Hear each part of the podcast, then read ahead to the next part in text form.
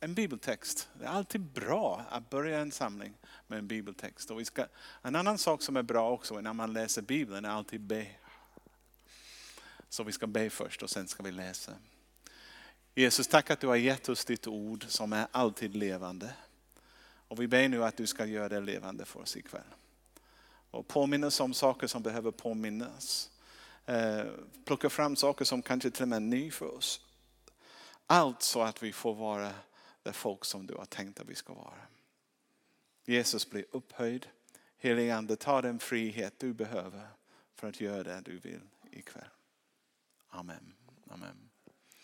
Så vi läser. Det är från Filipperbrevet kapitel 2, den första fyra versen. Om ni, har, om ni nu har tröst hos Kristus, om ni får uppmuntran av hans kärlek, gemenskap i anden och medkänsla och barmhärtighet.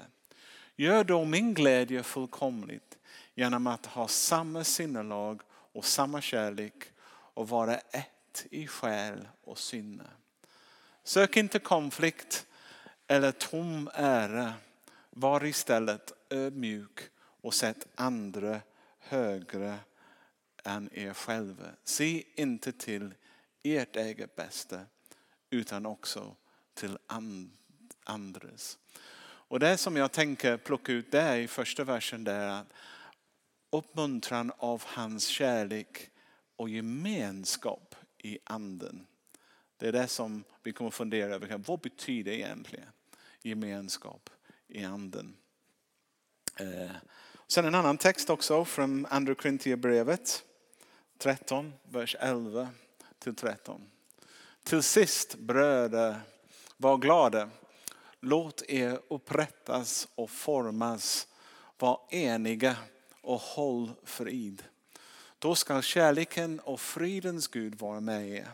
Hälsa varandra med en helig kyss. Ni behöver inte tillämpa det praktiskt ikväll. Jag hade ett problem faktiskt i en församling i England med, med en, en, gammal gubbe som tyckte han ska gå och kyssa alla tjejer. Och han sa att han hade bibliskt understöd för det. Jag tänkte att det kanske det var inte det som det var tänkt på. Men alla de heliga hälsar till er. Vår Herre Jesu Kristi nåd, Guds kärlek och den heliga Andes gemenskap vara med er alla. Och det är en uppmuntran som Paulus skriver. Det är Guds kärlek och den heliga Andes gemenskap vara med er alla. Han avslutar med det. En annan liten bit jag ska säga är låt er upprättas. Låt er formas. Så Paulus förmanas, förlåt, förlåt. Tack att du läser. Förmanas. Låt, låt er förmanas. Det betyder att eh, vi kan inte göra det själv men, men vi ställer oss i en, Eh, på en plats där vi tillåter den helige ande verka i oss och få fram den frukt som vi ska visa. Det är ingenting vi kan plocka fram själv med andra ord. Det är någonting som, och den heliga andes gemenskap är inte heller någonting som man, man fixar själv. Det är någonting man låter den heliga ande föra dig in i. Som, som är lite annorlunda. Eh, när jag tänkte på det, jag tänkte på, på, på några upplevelser som jag varit med om. Och jag tänkte på två exempel för många, många år sedan nu. Jag tror det måste ha varit 1979. Jag var med i en stor eh, kristen konferens i Wales faktiskt, i, England, i Great Britain. Och jag kanske var en av 8000. Så, så det var inte bara några få. Eh, och det fanns en grupp där och de ledde oss i tillbedjan och vi sjöng och sånt. Och sen plötsligt hände någonting. Atmosfären förvandlades. Och eh, jag minns att jag bara sjöng som vanligt. Ah, och sen plötsligt märkte jag att det kändes som någon annan i rummet. Och, och, och jag började, utan att tänka mer, jag bara gick ner på knä. Och jag började ligga nästan på, på marken och bara kände som det är en helig plats jag är på just nu. Och jag tänkte inte på någon annan. Och sen började jag tänka, oj, oj, jag kanske ser löjligt ut. Och jag tittade runt och, och plötsligt jag märkte att jag var inte den enda. Hela, hela stora auditorium där alla bara var, var ner. Till och med musikgruppen på scenen la ifrån sig sina instrument och bara gick ner på, an, fram, på ansiktet. Och, vi, och eftersom jag var inte där ensam heller, jag var en del, en del av min församling som hade åkt på denna konferens. Och vi alla efteråt, många år efter, minns du den stund när vi fick möta Gud tillsammans i den stora lokalen. Eh, och det, det som var så minnesvärd för mig var själva omfattningen av besökelsetiden. Du kan vara i ett möte några möter Gud hit och dit och sånt sådär. När man hela huset plötsligt bara, bara möter Gud och Gud bara kommer på ett sånt påtagligt sätt. Sätter spår i dig som, som, som du aldrig kommer glömma. Och det, jag kommer ihåg det inte för att det var häftigt. Jag kommer ihåg det mer för att det var helig. Jag upplevde en helig stund när den helige ande började röra vid oss. Jag säger röra vid oss som församling eh, och röra oss som kristenhet i, England under den tid. Och sen dess har jag upplevt den helige ande gör många också stora saker sen dess. Eh, jag minns till och med för inte så många år, kanske oj, oj, det, blir, det blir så många år ändå, kanske 24 år sedan i vargen eh, när, jag var pastor där, när den helige ande kom. Vi hade en besök av en biskop som hette David Pitches. Och han predikade en, en väldigt rakt och tydlig predikan. Ingen, ingen vad kan man säga, manipulation. Han försökte inte skapa en stämning. Och eh, till och med när han sa nu ska jag be, lovsångsbandet började spela och han bara så tyst. Och sen han bara sa, när alla var tysta, han bara sa kom helige ande. Och, och den helige ande kom. Och jag säger, och kanske 80 procent av församlingen möt Gud. De som inte, det, det fanns några som satt där som om ingenting hände, men, men jag tror någonting hände ändå. Men flera av dem fick vi bära ut två timmar senare. För de bara låg där. Och det var en gemensam upplevelse som när jag tänker på vad den helige Ande har gjort många gånger.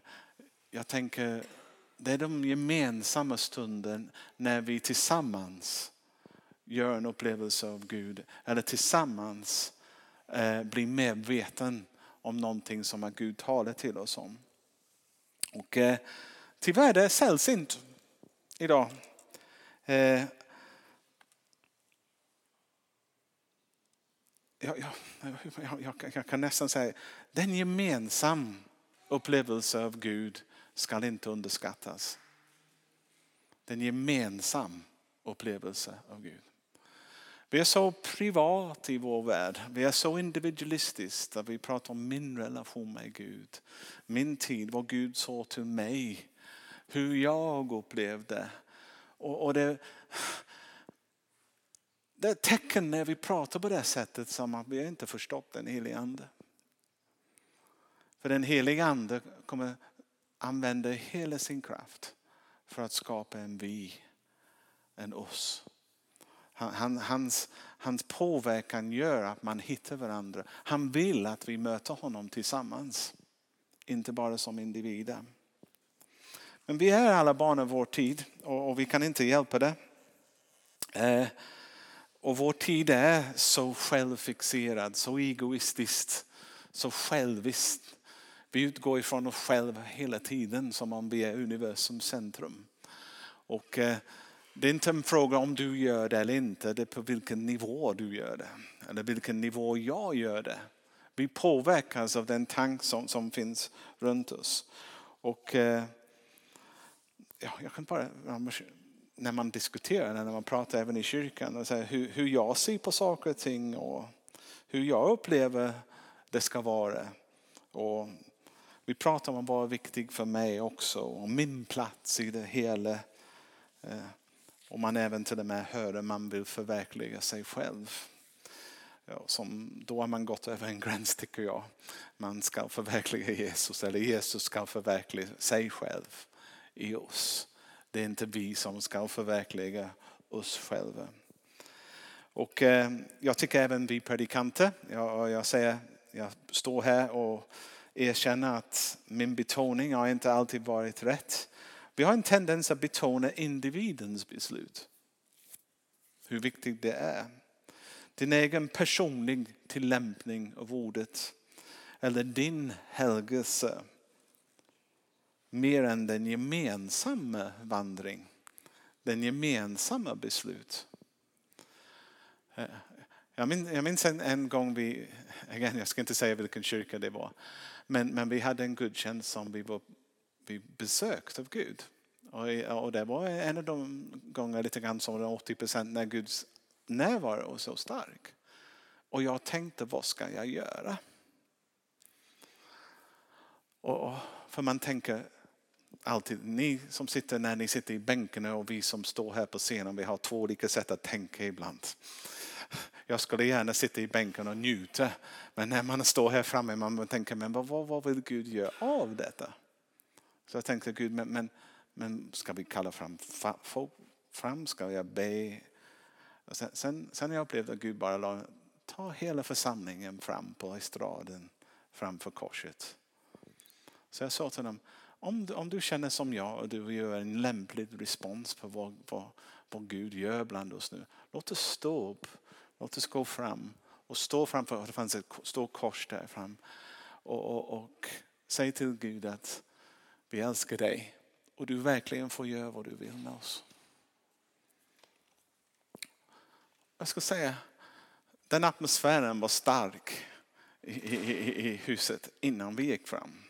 Men när vi gick fram och vi gjorde vår bekännelse och uttalade vår kärlek gemensamt, det känns som han kom igen. Och, och, och det var en ny våg av hans härlighet. Och man, man bara tänkte, någonting viktigt skedde då. När vi agerade som en församling, inte som individer. Eh, intressant också efteråt, jag fick lite kritik av någon som sa till mig, jag tror att det är individens rätt att bestämma vad de gör i bekännelsens tid. Och jag, jag sa, ja, för det mesta, men inte idag. Jag tror, det, jag tror att Gud försökte påminna oss om att det är någonting som, som många saker faktiskt som är viktiga eh, att vi gör tillsammans. Så eh, ja, men tänker på det. Jag, jag, jag, har så många exempel. Jag tänker jag fick inte så mycket från min predikan idag. Hur många gånger jag har hört det? Speciellt när jag har predikan. Först är man ledsen att de inte fått något. Men eh, nu har jag lärt mig när jag hör det här, jag säger till dem, okej, okay, men det kanske inte var för dig. Och de tittar på mig, eller? Kom du till... Stämmer det? Det kan vara för någon annan. Och då ska vi vara glada att de fick det. Och sen om du inte hittar någon annan som kan du kan tänka, men kanske det var bra för mig själv som predikade. Men eh, denna tanke, det var inte bra, jag fick ingenting för detta. Eller denna typ av lovsång passar inte mig. Jag tänker, är det tanken att det ska passa dig? Eller ska vår lovsång passa konungens konung? Vem är vår fokus? Sjunger vi för att eh, ha roligt själv eller sjunger vi för att uttrycka en inre kärlek och överlåtelse och glädje till den? Jag hoppas att det är till den andra men jag är inte säker att det alltid är. Problemet är eh, det finns ingenting fel kanske. Jag, jag bara drar det till sin extrem för att försöka upplysa för oss hur mycket vi är, om vi inte tänker på det, hur naturligt vi hamnar i vår, vår tids tänkande istället för Guds tänka, tänkandet. I vår kultur vill leda oss i motsatt riktning till vad Gud vill leda oss till. Och man märker det om, om, vår, om vår kultur är egoistisk om det är, om, om, har du sett FNs kartor på de olika länder hur egoistisk man är? Sverige finns längst upp i hörnet. Vi, vi är topp i vår kultur.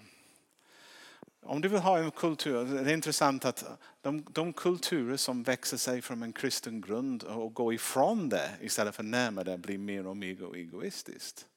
Och med egoism kommer mer ensamhet. Och med ensamhet kommer mer, mer vad kan man säga, jag skulle nästan säga psykisk sjukdomar. Eh, eller deprivationer. Och man blir inte glad. Man kan inte vara glad. Man vet inte hur man blir glad. För det är bara en enkel sak. Jag minns första gången jag kom till Sverige, eh, eller andra gången jag kom, det var en, jag var ensam och jag gick runt Stockholm ensam och jag tänkte vilken vacker stad. Och jag tittade runt och sen efter ett tag jag, jag tänkte jag har ingen att dela det med. Jag, jag vill ha någon med mig som säger titta på det, det. Vad, vad tycker du om det? det? Jag tänkte bara titta på någonting själv, det var ingen höjdare. Det fanns ingen glädje i det för mig. Att bara, och jag gjorde roliga saker men eftersom det var ingen med mig som jag kunde prata med det om sen eller dela det. Jag, jag till slut blev fruktansvärt ensam och jag tänkte vad gör jag här ensam? Så är vi. Och problemet är om du tänker det som fienden gör, det som Gud gör. Fienden försöker spricka familjer, spricka ett äktenskap. Han jobbar hårt för att vi som vänner ska vara osams. Han, jag, jag, han arbetar otroligt starkt för att små saker ska bli stora saker. Och han är ingen mer glad, han, han, är, han kunde aldrig vara mer glad än när han ser människor gå isär istället för att komma samman. Guds hjärta är att dra människor tillsammans. Guds hjärta är att dra oss till honom också i relation. Fiendens eh, agenda är att dra oss ifrån varandra, att dra oss ifrån Gud och isolera oss. Och när vi är totalt isolerade då, då, då är vi lätt byte för alla möjliga vad jag kallar för kompensationsbehandlingar eller surrogatlösningar som man måste ha för att försöka fylla den grundfunktion som vi är skapade med. Jag, jag, jag har listat en liten lista här som en tydligt tecken på Guds närvaro, den heliga andes gemenskap, är att relationer försonas. Försoningen är en tecken den heliga andes närvaro. Du kan inte ha den heliga ande nära dig och få vara oförsonad med någon annan och vill inte försonas med någon annan. Du går i motsatsriktning. Det är som att sätta två poler med en magnet mot varandra. Den helige ande vill uppmuntra oss till samarbete. Den helige ande försöker helt hela tiden försöka få hjälp oss hitta varandra. Och börja tänka på andra också. Den helige Andes närvaro också vill att vi bygger broar. Han kan inte något annat. Du kan inte vara fylld av Guds ande och inte börja tänka men, men de ska med också. eller, eller Gud tänker på dem, de, de känner sig utanför på något sätt. Det går inte. Och det är den heliga andes gemenskap som är någonting helt annat. Det är inte en gemenskap som bara byggs på en gemensam intresse.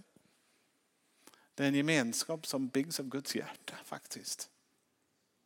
Som bara Jesus kan ge. Den helige ande vill att vi hjälpas åt. Den helige ande nästan tvingar oss att dela med oss. Man kan inte ha den helige ande i dig och bara snål på ett sätt. Någonting, hur kan man vara snål och ändå ha den helige ande i det? Man ska vara generös. Jag pratar inte bara om pengar, jag pratar om komplimanger. Jag pratar om nåd. Jag pratar om överseende. Jag pratar om eh, ge folk en chans till. Och sånt. Alla de här sakerna är en del av den heliga andes gemenskap. Och jag tänker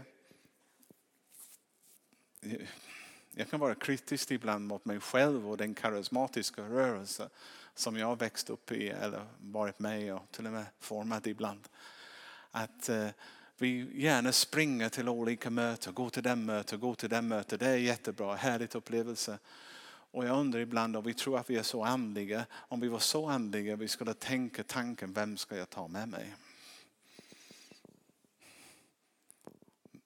Vem, vem behöver detta? Vem kan jag ta med mig och som jag vet skulle må bra av detta?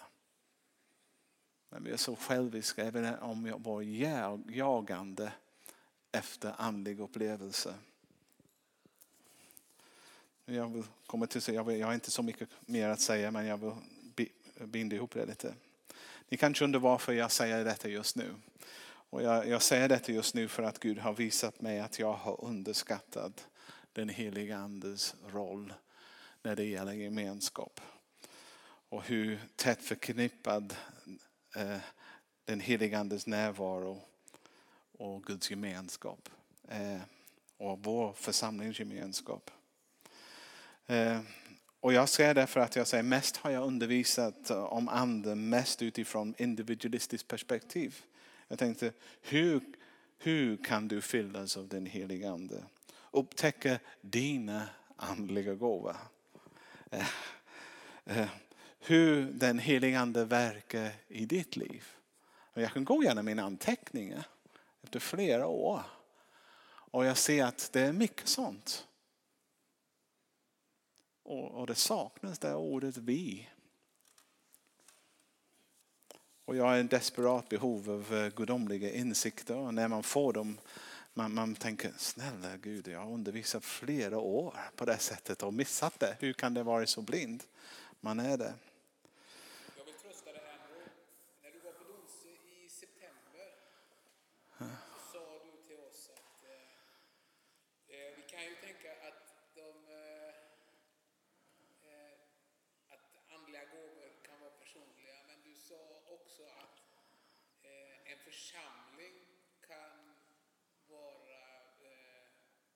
välsignad med en andlig gåva.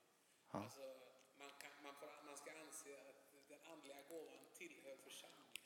Yes. Och det var en ny tanke för mig. Jag hade inte ja. Hörde ni honom? Han sa att andliga gåvor är inte personliga. Kanske till och med församlingen har andliga gåvor. Den, gemensa, den gemenskap har Gud gett en andliga gåva eller flera andliga gåvor till. Jag vet att han har gjort det. För olika församlingar har sin olika nischer i Guds rike också som Gud har utrustat på ett speciellt sätt. De har en speciell smörjelse för. Tack. Det finns bara en helig ande. Det står där i en ande har vi alla blivit döpta för att höra till en kropp. Så det finns bara, vi kan inte säga du tillhör den andens kropp och jag tillhör den andens kropp. Vi tillhör andens kropp. Och den, eh, och den heliga andes uppgift är först och främst att bygga relation mellan Gud och oss. Och han gör det genom att eh, uppenbara eller upplysa oss om, om ibland synd. Och man kan tänka sig, men det är hemskt. Om Gud älskar oss, hur ska, varför ska den heliga ande uppenbara saker som vi har gjort fel? Jo, för att Gud vill ha en nära relation med oss. Och det är de saker som står i vägen. Så eftersom han är så stark gemenskaporienterad, han vill komma så nära. Och när det finns saker och ting som står i vägen, han vill inget annat än att ta bort dem. Och för att han kan ta bort dem krävs att vi bekänner dem. Om vi känner våra synder trofast och förlåt oss våra synder och ren oss från all orättfärdighet. Så. Och när vi gör det, han kan bara gå puff! Och han går dum. Han är nära igen. Så den heliga ande när vi upplever att vi, vi känner ja, lite dåligt samvete ibland eller vi borde gå och göra något, rätta till det. Det är en kärlekshandling. Det är inte en dömande Gud som är arg på oss. Det är en kärleksfull Gud som vill komma så nära och välsigna oss. Och han säger, men det står i vägen, kan, du, kan vi inte ta bort det nu? Han tar det på korset. Och den helige ande ständigt jobbar för att hålla oss nära Gud. Han gör det. Och det är en kärlekshandling när han gör det. Och han gör det på det sättet ibland att han både uppmuntrar oss men han också kan påpeka saker och ting som hindrar eh, vår relation. Och den helige ande precis som en individ, han kan göra det till en församling. Han kan säga ni har fel betoning här. vad Gud säger till församlingen. Vad säger, läs uppenbarelsebok. Man använder den begreppen. Vad säger Gud till församlingar? Och församlingen gemensamt står ansvarig för, för deras handlingar. Inte bara individer. Och det kan hända att en församling har tagit för mycket stolthet för sig själv eller kan vara för egoist eller tro att de är så bra eller, eller vara så snå. Förstår du vad jag menar? Det är vi, vår kultur. Gemensam, vår gemenskap, den DNA som vi, som vi strålar ut. Och den helige Ande kan ta det till oss som en församling. Lika mycket som han kan som individer. Som vi går. Och sen han slutar inte eh, bara med, den, den, med Gud också. Han, han jobbar med oss gemensamt. Det är otroligt. Eh, ibland du vet när Gud börjar tala när folk, speciellt som pastor, när olika människor kommer olika tider olika, utan att veta att den andra har gjort det och börjar säga jag tror att Gud vill att vi ska göra si eller så. Jag vill att det. Om man börjar tänka det nu, det är den tredje gången jag har hört det idag från folk som inte har någon relation tillsammans. Gud, är det någonting du försöker säga till oss? Väldigt intressant. Det är också väldigt intressant när Gud börjar röra vid folk som även i en församling har olika vänskapskrets men Gud gör samma sak i olika. Tack så mycket William. God bless. Så eh, nu Andrew, du bara pratar. Ja, livsfarligt eller hur vara pastor. Vi bara pratar. han vill också, han hjälper oss hitta varandra för att komplettera våra gåvor. För att bygga relationer, inte vad vi alla tycker samma. Han, den helige Ande jobbar för att den helige Andes gemenskap gör för att vi ska bli hel. Så att alla bitar passar in. Det är inte bara de som tänker lika på alla punkter. Utan att det är en liten bredare tanke på representation av vem Jesus är. Om, du bara, har du någon gång funderat över detta? Varför säger Jesus så här? Denna bibelversen, nästa som kommer. Det står, no, no, om har jag hoppat över det, förlåt. Nästa. nästa. Vidare säger jag er, om två av er på jorden kommer överens om att be om något, vad det än är så ska de få det av min far i himlen. För det är två eller tre samlade i mitt namn, det är jag mitt ibland dem. Det är nästan som man försöker säga, du, det är jättekul när du ber med mig ensam, men om du vill se saker och ting hända, du måste lära dig att hitta någon annan att be med. Så det räcker inte att du, nej, jag hörde någon säga, jag har böner för min kammare, ensam i min kammare. Ja, nej. Den gemensamma bönen är betydligt kraftigare. På något sätt, Gud, de löften som han ger sker när vi kommer tillsammans och ber. Nästa bibelvers också, det var ännu roligare. Det är Apostlagärningarna 2, 1-2. När pingstdagen kom var de... Eh, det står inte så här. När pingstdagen kom var det någon, en eller två samlade. Då hördes plötsligt från himlen en dån som en våldsam storm drar fram och det fyllde hela huset. Där de sa, nej, det står när pingstdagen kom var de alla samlade. Ibland undrar jag, jag ska ställa frågor till Jesus när jag kommer till himlen. Dröjde det så många dagar till det, det tog så länge innan alla samlades? Hur mycket var att du kom och alla var där eller var det att på grund av att alla var där kom du? För jag tror att på något sätt den helige ande väntade för att få dem alla på en plats för att börja den nästa kapitel. Och när de alla kom, då fick de uppleva verkligen när de startskottet egentligen för nådens tid som vi lever i idag. Och det finns en koppling med det, en samband som vi får inte missa. Och jag har också märkt att den sammanhang som de flesta människor blir fyllda av den helige ande är, är när de fylls av anden till tjänst. Det står inte i Bibeln när du läser att de var jättedeprimerade och kände som de behövde en uppmuntran. Så de gick på en möte, de lovprisade här och de fick en oh, kittlar i kroppen och de sa halleluja och sen gick hem. Och sen kämpade de vidare lite tills nästa gång de hade en konferens som de kunde gå på. Och sen gjorde de samma. Oh, jätteroligt igen. Och sen gå igen. De fick uppleva den heliga ande när de var beredda att gå i hans tjänst. Så andens gåva är förknippad med tjänst.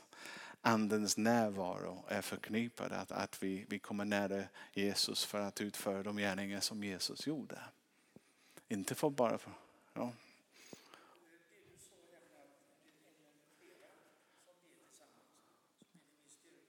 Mm.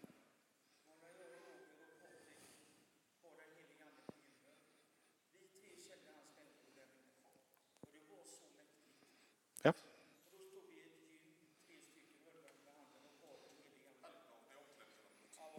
Vi behöver inte visa detaljer. Men, men det är så. Det är så. Löftena finns om du, om, om du vill be om någonting är viktigt. Gå, gå hem till någon och be. Det, fin, det finns, uh, okej, okay. nu ska, nu, var, är, var i hela världen är jag?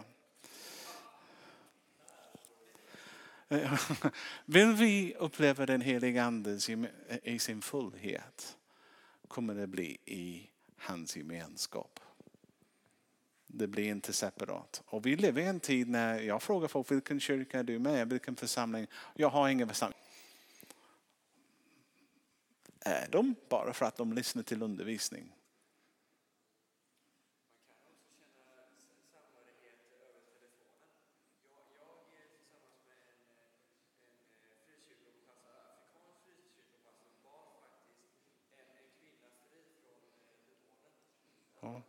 Ja, du kan. Men en telefon är inte bara en, en, en iPod eller någonting. En telefon är en relation du kommunicerar. Och det, det, det är med varandra som vi ska ha den fullhet som vi behöver för att kunna ge hela budskapet om man säger så. Inte bara en del av det. Och jag är, och jag är av den övertygelse till exempel att om jag inte kommer till kyrkan när resten av kyrkan samlas, då är det någonting väsentligt som fattas. Inte, och jag ska säga nu när ni tänker Andrew tänker för mycket på sig själv. Jag skulle säga, och det gäller för dig med. Den gemenskap är inte samma än hemma. Och de fler som kommer på något sätt, det, det har påverkan av vad, vad, vad händer. Ni märker det, eller hur? Jag brukar säga till vissa människor, du kan vara borta några veckor men det är flera gånger då är det inte roligt längre. För vi alla bär med oss en del av Guds härlighet. Vi alla är en pusselbit av den stora pussel som, som, som, som Gud vill visa här för att folk får uppleva helheten av Jesus. Ja. Sista raden på min anteckning, den helige andes jobb. Han jobbar hårt för att vi ska ersätta jag och för att vi tillsammans ska avspegla honom. Amen.